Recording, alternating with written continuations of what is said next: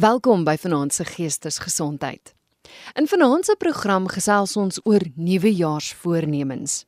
Nou ek het verlede week op Facebook gevra of jy enige nuwejaarsvoornemens gemaak het. Ek wou weet hoekom of dan nou hoekom nie. Ek het oorweldigende terugvoer gekry en ek deel graag met jou van die antwoorde. Stefan van Niekerk het gesê om meer rooibos tee te drink. Ek het my ma se kleinste staal teepotjie gekaap en ek glo dit kan 'n aanwins vir die gesondheid wees. Letty van Biljon sê om nooit weer daaraan te dink om 'n voorneme te maak nie. Mens stel jouself net te leer. Damian Engelbrecht het laat weet om gelukkig te wees met dit wat ek het, terwyl ons nog steeds hard daaraan werk om elke jaar bietjie te groei, nie net finansiëel nie, maar ook emosioneel en geestelik. Mareike Nolte skryf ek wil meer dankbaar lewe. Ek stap gister in 'n winkelsentrum en let op dat die meeste mense nors is of geïrriteerd. En toe besef ek, ons is gesond Daar lê vanoggend iemand wat smag daarna om nog net een keer uit die hospitaal te kan stap sonder 'n suurstoftank of die naheid van chemoterapie. Ons het geld, dalk nie baie nie, maar ons kan die basiese koop. Iewers smag 'n ma na 'n inkomste om vir haar kinders die nodigste skryfbehoeftes vir skool te gaan koop of net iets te eet. Ons het vriende en familie. Iewers is daar iemand in 'n ouer huiskamertjie wat wens dat daar 'n vreemdeling sal kom om net vir 5 minute te gesels en die verskriklike alleenheid vir 'n rukkie weg te neem. So ry ek op pad werk toe en praat met die Here en probeer om meer dankie te sê. Marita Bakkes is een van die wat nooit voornemens het nie. Sy sê ek het nooit nuwejaarsvoornemens nie want die pad wat voorlê is nie in my hande nie. Heidi Miller Barnard sê om sover moontlik gelukkig te wees ongeag my omstandighede. Dis 'n tolorder, ek weet, maar choose to be happy. Jacqueline van Heerden skryf: Ek en my man het besluit geen nuwejaarsvoornemens nie, want met alles wat aangaan in die wêreld, vat ons alles dag vir dag en op die ingewing van die oomblik. Die kunstenaar Majak Bredel laat weet ek verkies 'n een eenvoudige daaglikse voorneme of 'n intensie vir die dag. Marion Prins sê om elke dag 5 bladsye te lees. Ek is baie lief vir lees, maar ek sê altyd ek kom nie daarby uit nie. Nou het ek 'n klein haalbare doelwit gestel en op dag 7 vind ek dat ek dikwels meer as die minimum 5 lees. Henny Reigert het laat weet, ja, hy het 'n nuwejaarsvoorneme geneem. Hy sê om nog meer van dag tot dag voort te leef. Hy sê met vrede asof elke dag my laaste is. Mersha Penny McIntosh sê ek was nie lus om 'n nuwejaarsvoorneme te maak nie. Dit werk in elk geval nie altyd uit nie. Hendrik weer kloppers laat weet om nooit 'n vol blaas te ignoreer nie en Joan Stroom vir Joubert skryf ek het 'n weeklikse, maandelikse voorneme om weer te begin oefen, maar genigtig, elke keer is daar ander werklike prioriteite. François Stemmet laat weet, Christel, ek het nie, in my rede is eenvoudig. Jy maak daardie nuwejaarsvoornemens op oujaarsaand wanneer jy getrek is. En al is jy nigter, jy lieg vir jouself en vir die ander mense om jou. Die aktrise Elma Potgieter laat weet sy het nog nooit 'n nuwejaarsvoorneme gemaak nie en Helena van Vuren laat weet my voorneme is om normaal te wees en so ver moontlik my vermoë is alles normaal te hou. Normaal is koning. Laurie Grywenstein het ook laat weet hy het 'n voorneme geneem en dit is om dialoog te bevorder, om te luister na wat ander mense vir my sê en om hulle te laat besef dat ek duidelik hoor wat hulle sê. Irma Greef skryf om te oefen, weer reg te eet en so gewig te verloor. In sover kry ek dit reg. Kobus Zietsman laat weet hy wil doelgerig minder uitstel die jaar. En Rita Hatting Geel sê ek het verlede jaar heeltemal te hard gewerk. Ek gaan meer tyd spandeer aan my familie en vriende. Die lewe bestaan uit meer as werk. Ek gaan elke maand iets lekkers doen. Byvoorbeeld 'n staproete doen, 'n konsert bywoon of 'n kort kursus doen in iets waarin ek belangstel. Ek wil nuwe dinge probeer en ondervind. Tarsia Miller sê ek maak liewer geen nuwejaarsvoornemens nie want ek wil nie teen myself verloor nie. En Christo Anderson sin is eenvoudig. Syne is om te bly lewe. Tanya Visagie skryf ek wil elke dag eindig met 'n positiewe gedagte. Al is dit net die dankbaarheid vir die koppie koffie elke dag. Ek het elke dag iets om voor dankbaar te wees. Fokus daarop. Amelia Burger se lysie vir 2022 is om 1 Januarie 2023 te sien en dan om elke dag iets lekkers te ervaar en om niks as bloot goed genoeg te doen nie. Mariaan Dippenaar skryf om myself te aanvaar dit wat ek werklik is. En Jacqueline Clausens Robinson skryf niks. Ek het geen voornemens nie. Ek kom dit tog nooit na nie.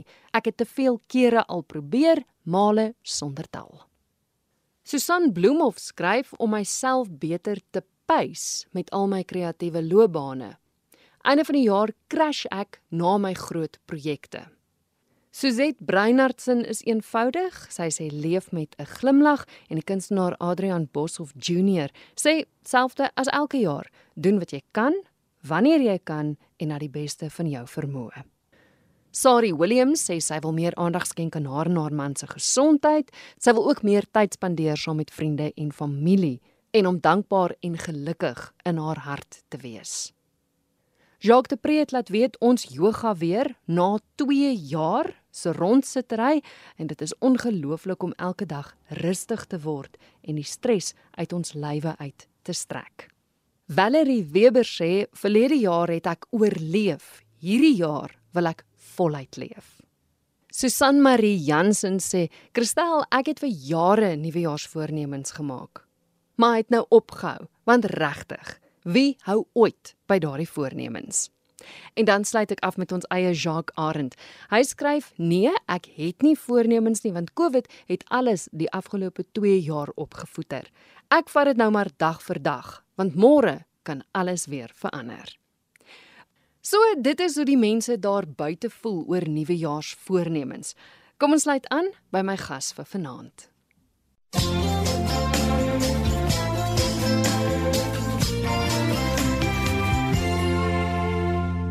Vanaand gesels ek weer met die sielkundige Lorika Fik. Lorika, baie welkom so aan die begin van 2022.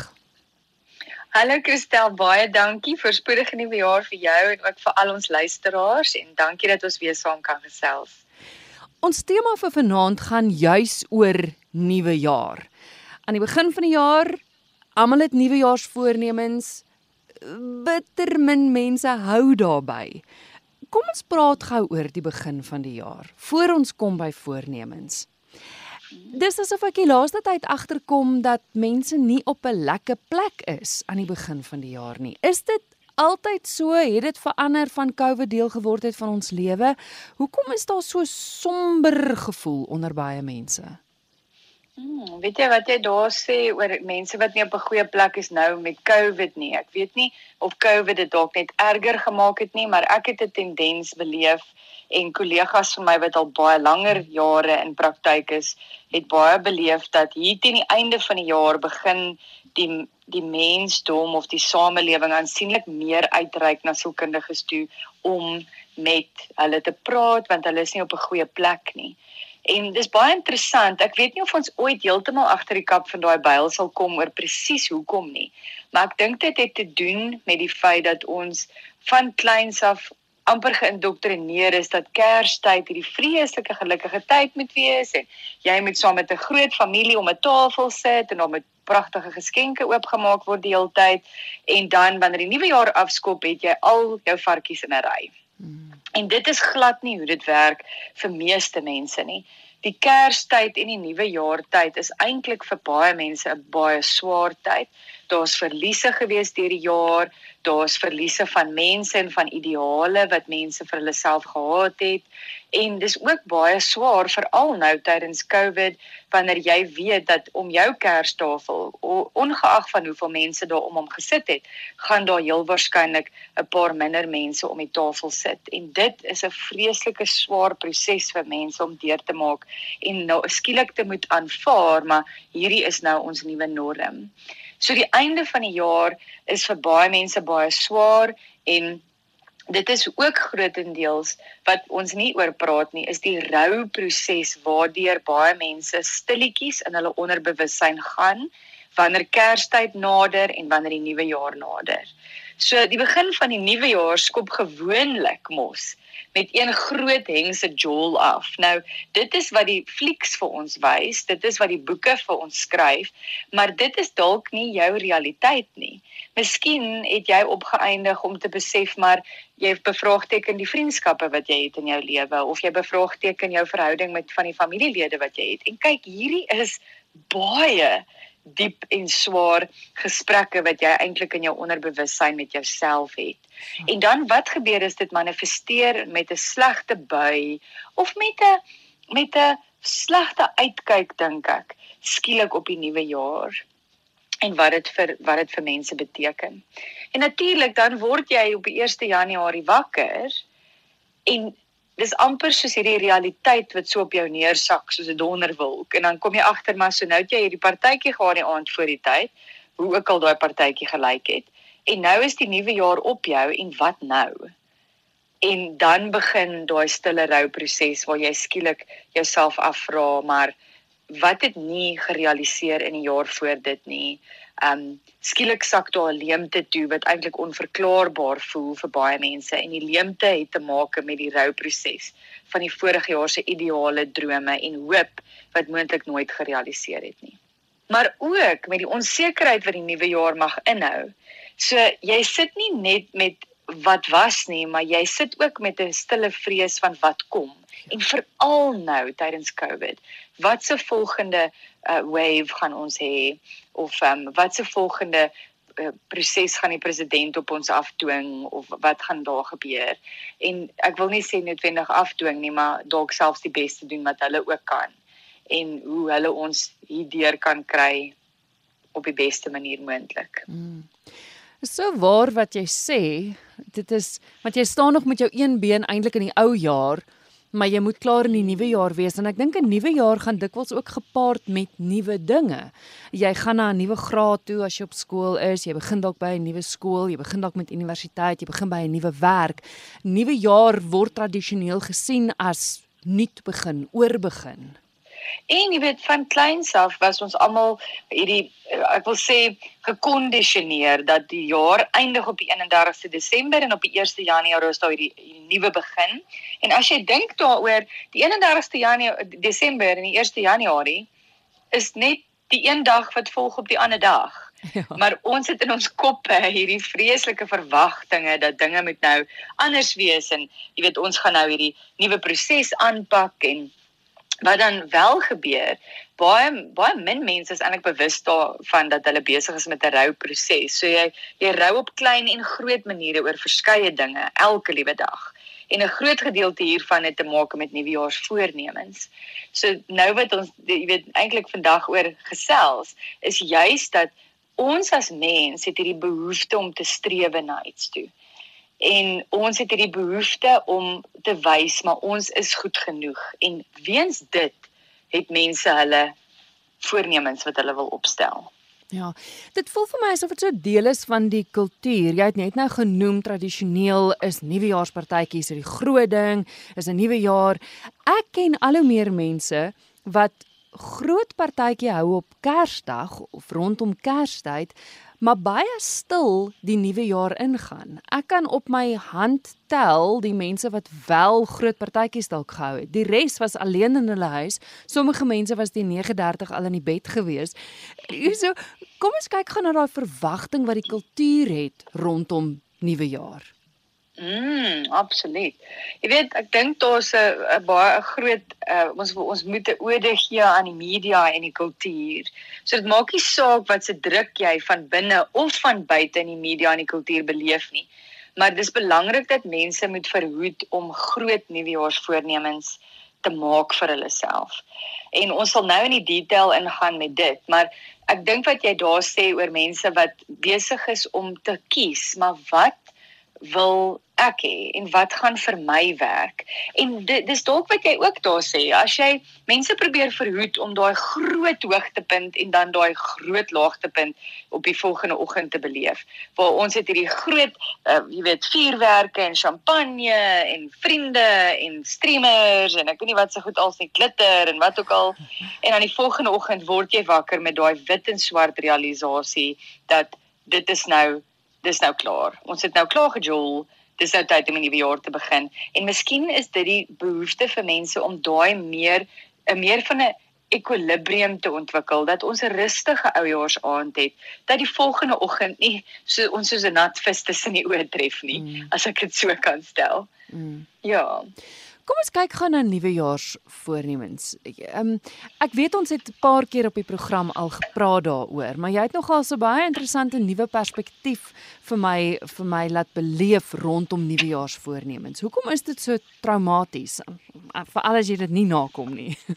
Ja, veral. So daar's twee komponente, presies wat jy nou daar gesê het. So 'n nuwejaarsvoorneme is jou siel se behoefte om te wys dat jy goed genoeg is. So met ander woorde die intensies, ek dink jy die beste intensies en ons sal nou daarby kom. Maar dit is baie belangrik om te weet dat fisiologies is jou brein nie gemaak om groot uitspattige en onrealistiese voornemens te behou nie. En wanneer jy sukkel om by die voorneme te bly, kan dit jou selfvertroue op 'n bewuste en onbewuste vlak aftakel. So, dis hoekom ek net nou gepraat het oor die druk wat mense beleef van die media en die kultuur om 'n voorneme te stel. Want nou het jy hierdie druk wat jy voel jy wil sê net maar gewig verloor of jy wil begin oefen of jy wil meer boek lees of jy wil skielik 'n nuwe taal aanleer maar dan is die sprong te groot van jou huidige norm en die gewone gewoontes wat jy basies toepas in jou lewe. En mense maak nuwejaarsvoornemens met die beste intensies. Dis dis om jouself te verbeter en om jou lewenskwaliteit te verhoog. En dit is 'n verwagting dan wat jy opstel. Ek vra baie keer vir mense die hoofrede vir egskeiding in die wêreld. En hulle sal vir jou gewoonlik sê oor is swak kommunikasie of dit is dat mense besluit het wat hulle oorspronklik wat hulle behoeftes was is nie meer wat hulle behoeftes was nie. Maar die hoofrede vir egskeiding in die wêreld is verwagtinge. En jy kan dit sien wanneer mense daai dag staan voor die kansel en hulle wil trou. Kan jy sien die sterretjies in die bruid se oog en dan in die bruidegom se oog of in beide bruidegom of beide bruide wat ook al die proses is. En jy kan dis baie selde dat daai twee individue 'n gesprek, 'n eerlike gesprek gehad het oor wat is my verwagtinge in ons huwelik? Wat wil ek, wat verwag ek moet jy vir my vervul? Wat verwag ek moet ek vir myself vervul? En ek het nou 'n bietjie van 'n dienspad geneem oor verwagtinge, maar verwagtinge is seker die grootste ewel in geestesgesondheid. Want jy het hierdie idee in jou kop oor hoe jou lewe, die wêreld, jou ervaring moet wees en dan kom realiteit en sê, "Nee my maat, dit is nie regtig hoe dit is nie. En dan wat gebeur in die gaping tussen die verwagting en realiteit is wanneer die geestesgesondheid probleem ontwikkel. En byvoorbeeld depressie is wanneer jy die ideaal, jy het hierdie ideaal waaraan jy vasklou en realiteit is besig om vir jou iets anders te sê en dan verval jy in 'n depressie. En gewoonlik is angs byvoorbeeld dat jy hierdie behoefte het om iets te forceer om te wees soos wat jy dit wil hê, maar realiteit is nie besig om dit vir jou te gee nie. En dit is hoekom ek dink een van die grootste prosesse wat um, veral ek in my praktyk uh, uh, met mense aanknoop is om te help aanvaar hoe realiteit is en hoe ons binne in realiteit 'n ding kan verander dat dit wel vir jou werk. Maar die eerste stap is om realiteit te aanvaar. En wanneer ons dit nou aanknoop aan 'n nuwejaarsvoorneme, is dit belangrik dat jy realisties bly oor die voorneme wat jy vir jouself opstel.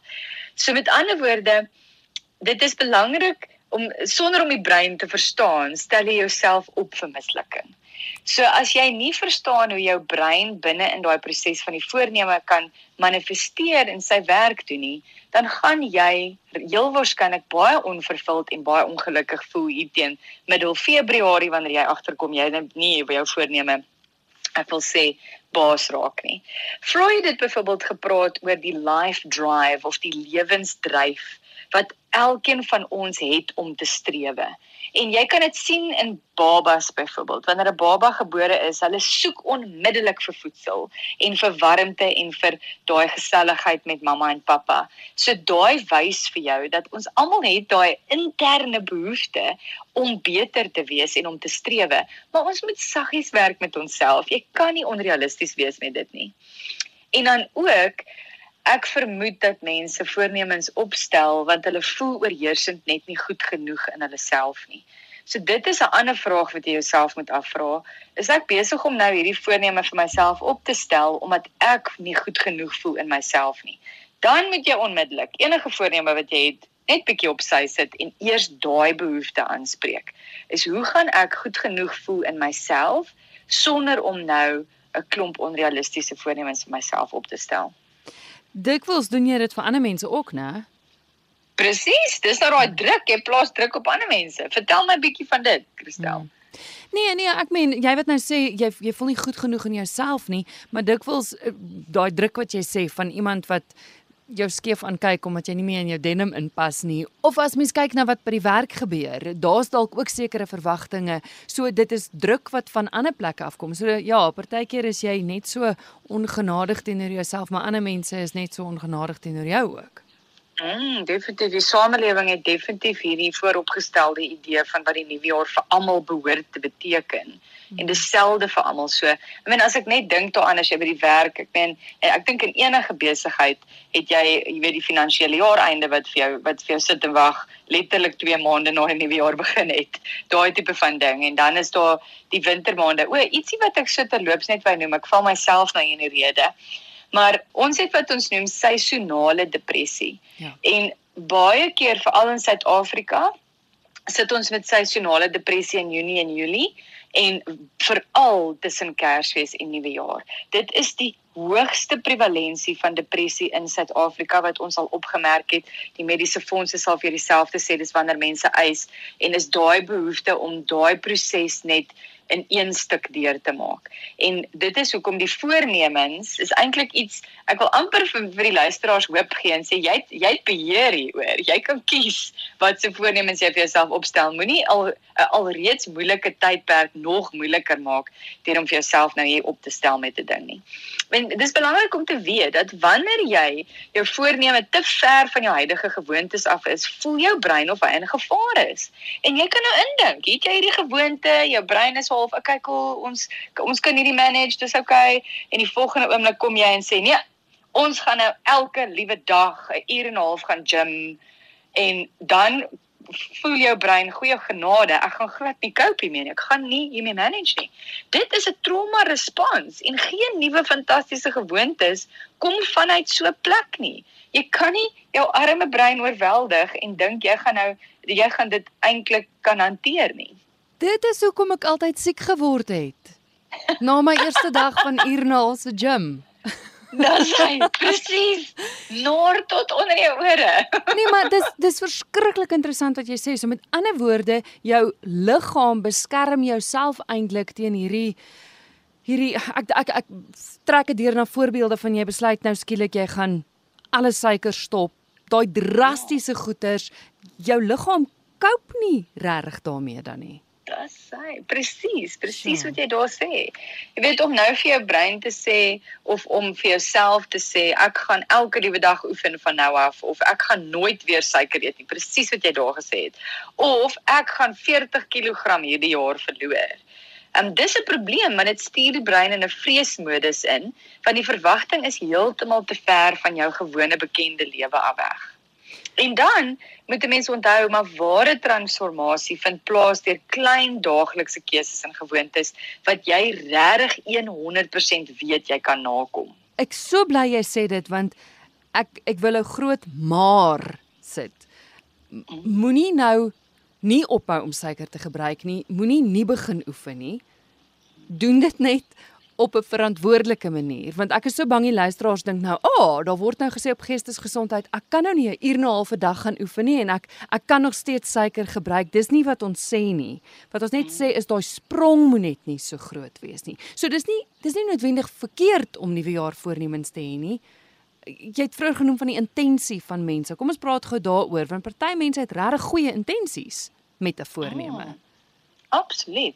Jy weet die intensie is regtig inherënt deel van hoe ons as mens ge, ge bedraad is. Ons dis gesond om voornemens op te stel. Dis gesond om vir jouself 'n doel te stel en dis ook so gesond wanneer jy daai doel kon bereik. O, oh, wat dit aan jouself wil doen is fantasties. Die dopamien skei af, die serotonien skei af, alles werk af, al die endorfines in jou brein werk saam. Maar wat gebeur wanneer jy 'n voor 'n groot voorneme vir jouself opstel, dan skei daar te veel noradrenalien af en dan gaan jou liggaam in 'n skok in. En jy ons almal weet, jy kan nie regtig optimaal funksioneer as jy in 'n skok is nie. Maar jy het nou iets genoem daar wat my nou aan aan iets anders laat dink het.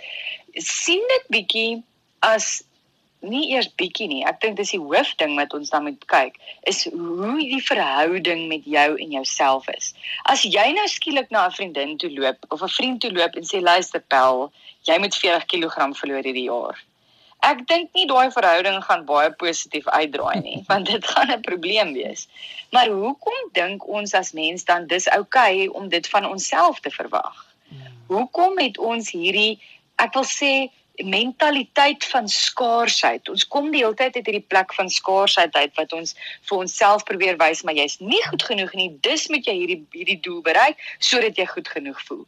En die hartseer ding is, jy gaan daai doel bereik en jy gaan heel waarskynlik nog steeds binne in jouself nie goed genoeg voel nie, want jy krap rond in die verkeerde plek. So die hoof ek wil sê fokuspunt moet wees is hoe lyk my verhouding met myself? Is dit regverdig van my om hierdie te verwag van myself?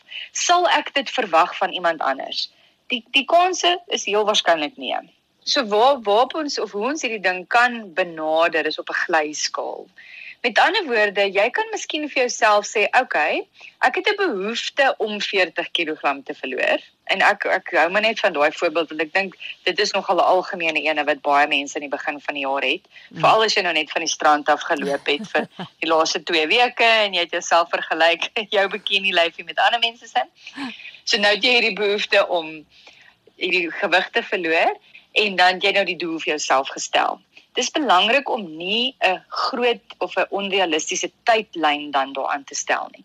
Met ander woorde, pas jou voorneme aan soos jy hulle bereik. Met ander woorde, die wat is daai ding wat hulle sê 'n doel wat opgebreek word in stappe, wat opgebreek word in duidelike um idees of idees wat opgebreek word in stappe word éventueel 'n doel wat bereik word. Ah. So met ander woorde, Die doel is nie om 40 kg te verloor die eerste jaar nie, maar die doel is om te kyk of ons 1 kg elke maand kan verloor.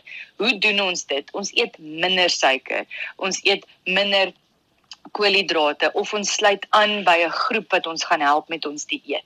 Of ons begin om net een ding te verander en dan kan ons skuif na 'n tweede ding toe verander. So ek gaan net 'n voorbeeld gebruik. Jy wil byvoorbeeld ehm um, jy wil vir die eerste jy drink dan vir die eerste 3 maande een ekstra glas water per dag. So as jy byvoorbeeld een glas gedrink het as 'n gewoonte, drink dan nou net nog eene. Ons weet dat die norm is 8 glase water wat wat die kenners sê jy behoort te drink.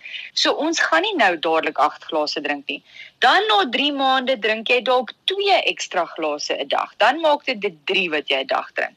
En so gaan ons aan. Met ander woorde, jy stel vir jouself doel of mylpale in die proses om die doel te bereik en die voorneme te te bereik. Ek hou daarvan. Want onmiddellik as jy vir jou brein sê ek moet 'n kilo 'n maand verloor, is dit mos baie meer haalbaar as om te sê ek moet 40 kg verloor. Presies. En dis nou die mooi ding van as jy 'n voorneme of die doel kan bereik.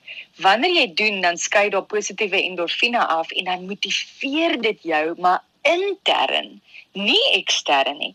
Intern motiveer dit jou dan om selfs beter te doen. En dit dra nou weer by tot Freud se lewensdryf wat hy van gepraat het. Dat wanneer jy dit reg benader, dan word jy eintlik jou eie beste vriend en jy kan jou eie grootste motiveerder word.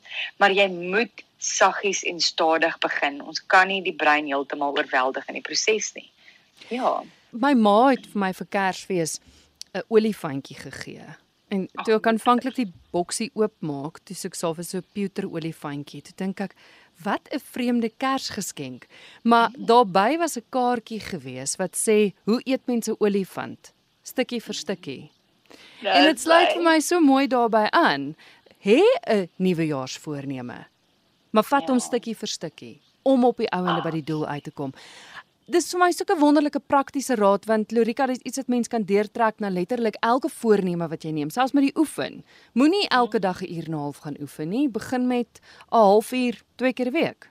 En dan wat jy ook doen is elke keer wat jy 'n treukie geneem het ter ter um, bereiking van jou doel, is dit belangrik om dit te vier en praat positief met jouself en sê, jy weet hoe trots jy op jouself kan wees dat jy dit wel bereik het en dis belangrik om daai te doen want en ook om met ander mense daaroor te reflekteer. Ons sê altyd uh, accountability of aanspreeklikheid is regtig belangrik in 'n nuwejaarsvoorneme en dis belangrik ook dat jy voor jy met ander mense daaroor praat is om eers realisties te wees daaroor. Maar die oomblik wat jy vir iemand anders sê, ek het 'n behoefte om hierdie jaar miskien 8 kg te verloor dan sê jy vir jou dan kan jy met mense begin praat daaroor en sê dit is my plan, dis wat ek dit wil doen en dan elke keer na jy by die gym aangesluit het of uh, bygewoon het, elke keer wat jy voel jy, jy het hierdie week nou sê net maar 10 ekstra glase water gedrink as wat jy normaalweg doen, dan sê dan en jy praat dan met mense daaroor dan sê dan praat jy met mense want ons vind dat in die refleksie van 'n gedrag of 'n ervaring is waar die regte verandering plaasvind. So wanneer jy praat daaroor en jy dit met jou stem en jou mond aan iemand anders oordra, dan word dit realiteit. Mm. Maar as dit net binne in jouself en in jou eie lewe gebeur, dis maar daai selfe storie oor die persoon wat 'n uh, 'n geweerskoot in die woud afgeskiet het. As niemand daar praat nie, want het dit ooit regtig gebeur? Het dit gebeur of het dit nie regtig gebeur nie? So dis 'n ander stap om te neem is om regtig met die mense wat jy vertrou en wat jy weet jou liefhet, hierdie proses en hierdie hierdie ja, die proses net te deel met hulle en ja, dat hulle jou ook aanspreeklik kan hou op 'n manier mm. sonder om jou te oordeel. Dis belangrik. Ja. Ons is so 'n kits samelewing. Alles moet gou en nou gebeur. Dit moes gister al gebeur het. Dit gaan 'n kop skuif van ons van ons verg om te besef ons moet dit nou stadiger vat. Ons kan nie nou net inspring in 'n uur en 'n half gym of dadelik 8 glase water 'n dag drink nie. Da, dit voel vir my asof mense sukkel om dinge stadiger te doen. Absoluut. En jy weet dit is nou weer waar die kultuur en die media en ek dink regerings in die wêreld en so aan 'n mens kondisioneer. Want die, maar dit is ook hoe die brein gemaak is. Jy weet as jy 'n ding nou kan kry dan skei die dopamien af en jy voel positief en jy voel gelukkig vir die volgende 15 minute en na dit is dit weer verby. En dis ook belangrik om te besef dat jy dit dis eintlik goed dat dit nie te vinnig gebeur nie. Want wanneer iets te vinnig en te maklik gekom het, dan waardeer 'n mens dit ook nie. Ja. En dit is baie belangrik. Dis 'n hele gesprek wat ons ook kan aanknoop is om vir onsself af te vra maar waar kom die betekenis in die lewe vandaan? Betekenis kom wanneer jy gewerk het vir iets, wanneer iets jou vervul omdat jy die moeite ingesit het om dit te bereik. Ons almal weet, as jy 'n ding verniet kry, waardeer jy dit nie. Dit is 'n feit soos 'n koe. 'n Mens kan sê wat hulle wil, maar die oomblik wat jy gewerk het vir iets of jy betaal het vir iets of jy ook bygedra het, dan waardeer jy daai ding soveel meer. So die kits samelewing waarin ons lewe is die groot rede hoekom ons ook in die mees onvervulde, mees oorgewig, mees depressiewe samelewing al ooit leef van die mensdom se geskiedenis is omdat ons dinge te maklik kry. So dit hou verband met wat ek net nou oor gepraat het oor oor fantasie en realiteit of jou irrasionele behoefte om iets te bereik versus realiteit. Waar jy moet agterkom dat dit is gesond om vir iets te werk. Dit is gesond dat 'n ding nie te vinnig en te maklik vir jou na jou toe kom nie. Want as dit deel word van jou lewenstyl en deel word van jou gewoontes, dan is dit nie 'n kitsoplossing nie, maar dan is dit 'n langtermynbehoefte wat by jou vervul word en nie net 'n behoefte wat dadelik vervul word nie. Dis een van die groot redes hoekom die ete hoofsaaklik nie suksesvol is in die wêreld nie. As jy te vinnig gewig verloor, dan is daai nuwe lewenstyl of daai nuwe gewoontes nie deel van jou lewenstyl nie. En dan eindig ons op om te verval in 'n ou gewoonte in en baie keer sal mense vir jou sê, "Maar ek het ek weeg nou meer as wat ek het voor ek die die die die eet begin het." En die die kitssamelewing is een van die goeters wat ons regtig moet begin aanvaar nie eintlik gesond is. Dis nie eers nie eintlik gesond nie. Dis glad nie gesond vir hoe ons as mens fisiologies, emosioneel en kognitief aan mekaar gesit is nie. Jy luister na Geestesgesondheid. My gas is die sielkundige Lorika Fik en ons gesels oor die rouproses wat gewoonlik die tyd van die jaar plaasvind, van Kersfees oor na Nuwejaar toe en ons gesels ook oor Nuwejaarsvoornemens en die feit dat fisiologies jy eintlik nie sulke groot veranderinge kan maak nie want dit uh, is nogals bietjie onmoontlik om by uit te kom. Lorika, ek wil ek wil praat oor skuldgevoel. Uh, dit voel vir my asof ons nasietjie hier aan die suidpunt van Afrika so verweef is met skuldgevoelens en ons het al so baie in die program gepraat oor skuldgevoel. Maar ek wil gou dit bietjie aanhaak by die nuwejaarsvoorneme ook want dis 'n emosie wat ook gepaard gaan as jy nie 'n nuwejaarsvoorneme kan nakom nie. Die die nuwejaarsvoorneme wat jy nie nakom nie is natuurlik 'n doel wat jy nie bereik het nie en is natuurlik 'n groot verlies of 'n mislukking. En in ons samelewing, dis 'n ander ding wat ek hoop ons regtig nou al aan kan begin werk ter wille van ons kinders se generasie, is om anders te begin kyk na iets wat jy misluk het.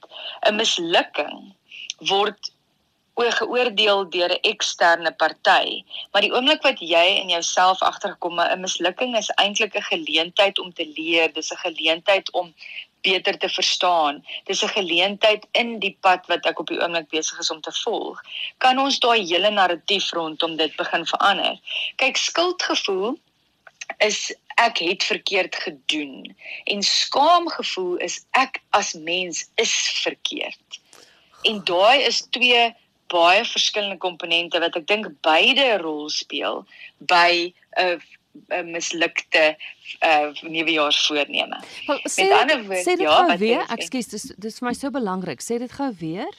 So skuldgevoel is ek doen verkeerd, maar 'n skaamgevoel is ek as mens is verkeerd. Goed.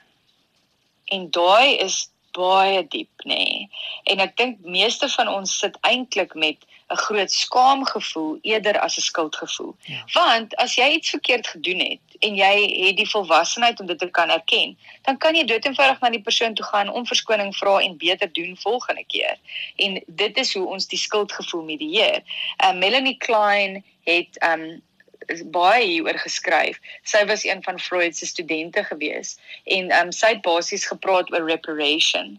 En re reparation, weet ek nie of daar Afrikaanse ekwivalent is nie. Maar reparation is die werk of die gedrag wat ons dan ingaan om die skuldgevoel te medieer en waar ons sê maar okay ek het iets verkeerd gedoen hoe kan ek dit regmaak by by die persoon of daai en so. Maar shame of skuldgevoel, daar's eintlik nie die, die regte Afrikaanse ekwivalent vir hierdie woord nie. Ek wens 'n Afrikaanse kenner wil my e-mail as hulle wel weet hoe jy hoe ons daai kan vertaal wat dit dieselfde gravitas het. Ja. Maar shame is 'n verskriklike diep proses en dit speel 'n rol in wat ons noem daai daai onderbewussyn nê is soos 'n moeras. Dis die moeras van die siel noem ons dit. En shame manifesteer daar, dit bly daar, dit groei daar, dit maak seer daar en wanneer ons daai ding kan aanspreek of die moed bymekaar skraap want jo dit vat baie baie baie moed nê om jou eie skaamgevoelens uh, aan te spreek en te vra maar wat gaan hier aan? Dan kan jy jouself begin regtig gesond maak wanneer jy sê maar hierdie is waar ek skaam voel. Dis hoekom ek as mens nie goed genoeg voel nie. Die voorneme is eintlik die behoefte om 'n pleister daarop te plak. Dis eintlik nie regtig die probleem waarmee ons sit nie. En wanneer jy daai begin raak sien dat die voorneme nie eintlik die probleem is nie. Dit is die feit dat ek nie my skaamgevoelens aanspreek nie, dan is jy op die regte pad. Dan is jy besig om uit te vind wat gaan aan. Hoekom voel ek oorgewig. Hoekom weens dit voel ek nie goed genoeg nie? Wat maak dit vir my uh, skaam oor voel en hoekom maak dit my so seer? Dikwels dink ek dit is waarom 'n voorneme gemaak word, soos jy nou sê. Dit gaan nie noodwendig net oor die voorneme nie, dit kom van 'n dieper plek af.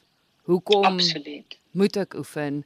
Hoekom moet ek gewig verloor? Want vir een of ander rede is dit altyd die voornemens wat meeste mense nie kan nakom nie. Maar dis omdat hulle die verkeerde probleem aanspreek. Ja. Ek weet dit is soos om byvoorbeeld om 'n pot vol water te maak, gaan gooi jy, gaan plant jy 'n boom gaan nie ongelukkig die pot vol water maak nie. Mm. Jy weet jy moet iewers die pot optel, na 'n kraan toe stap en die kraan oopdraai om die pot vol water te maak. So wanneer jy dit eh, kan begin identifiseer en jouself afvra maar wat gaan in my onderbewussyn aan?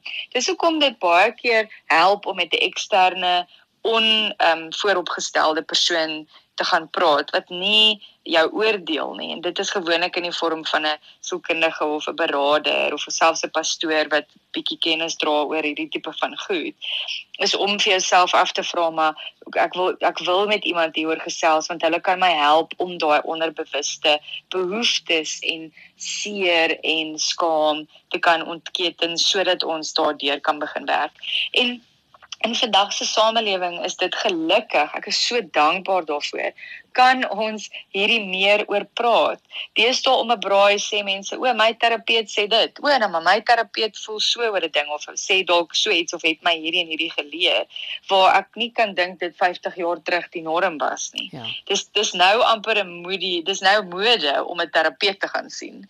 En dis wonderlik dat ons soveel waarde plaas op ons geestesgesondheid. OK, so ter afsluiting vir luisteraars wat nou sit en dink, "Goed, ek het 'n voorneme geneem, maar ek het hom uit die aard van die saak verkeerd geneem." Gou-gou vinnig net ter opsomming, hoe moet luisteraars 2022 aanpak as dit kom by voornemens? Ja. So, hê jou voornemens. Dis goed vir jou, dis goed om 'n doel te stel want dis inherënt deel van wie jy is as mens. Maar breek daai voorneme op en miskien gaan daai voorneme nie aan die einde van die jaar um, bereik word nie. Breek hom dan op oor sekere aantal jare en nie net 1 jaar nie. En onthou, 'n een klein verandering in jou gedrag of 'n besluit wat jy geneem het is alreeds 'n stappie nader aan die bereiking van 'n voorneme. Dis belangrik. Moenie jouself oorweldig nie. Werk saggies met jouself en maak seker dat jy die regte benadering het tot jou voornemens. Dankie Lorika. Mag luisteraars jou kontak en waar? Hulle mag my kontak ja. Um, ek het twee e-posadresse. Die ene is hello@bettermom.today en die ander ene is info@dynamichealth.today dis twee eposse wat ek um, gereeld na kyk en hulle is baie welkom om ook met my te kom gesels op sosiale media. So ehm um, ja, dit is my dit is my sosiale media name ook is Better Mom and Dynamic Health en daar op uh, Better Mom fokus ons meer op die ehm um, ouerskap uh, kant van dinge en Dynamic Health is meer die uh, algemene geestesgesondheid gesprekke wat ons aan uh, aanknoop om mense te ondersteun. Ek het gesels met die sielkundige Lurika Fik. Jy is welkom om 'n e-pos vir haar te stuur na info@bettermum.today of na info@dynamichealth.today. Ek is natuurlik by cwebjuber@gmail.com. Tot ek en jy weer saamkuier, mag dit met jou goed gaan.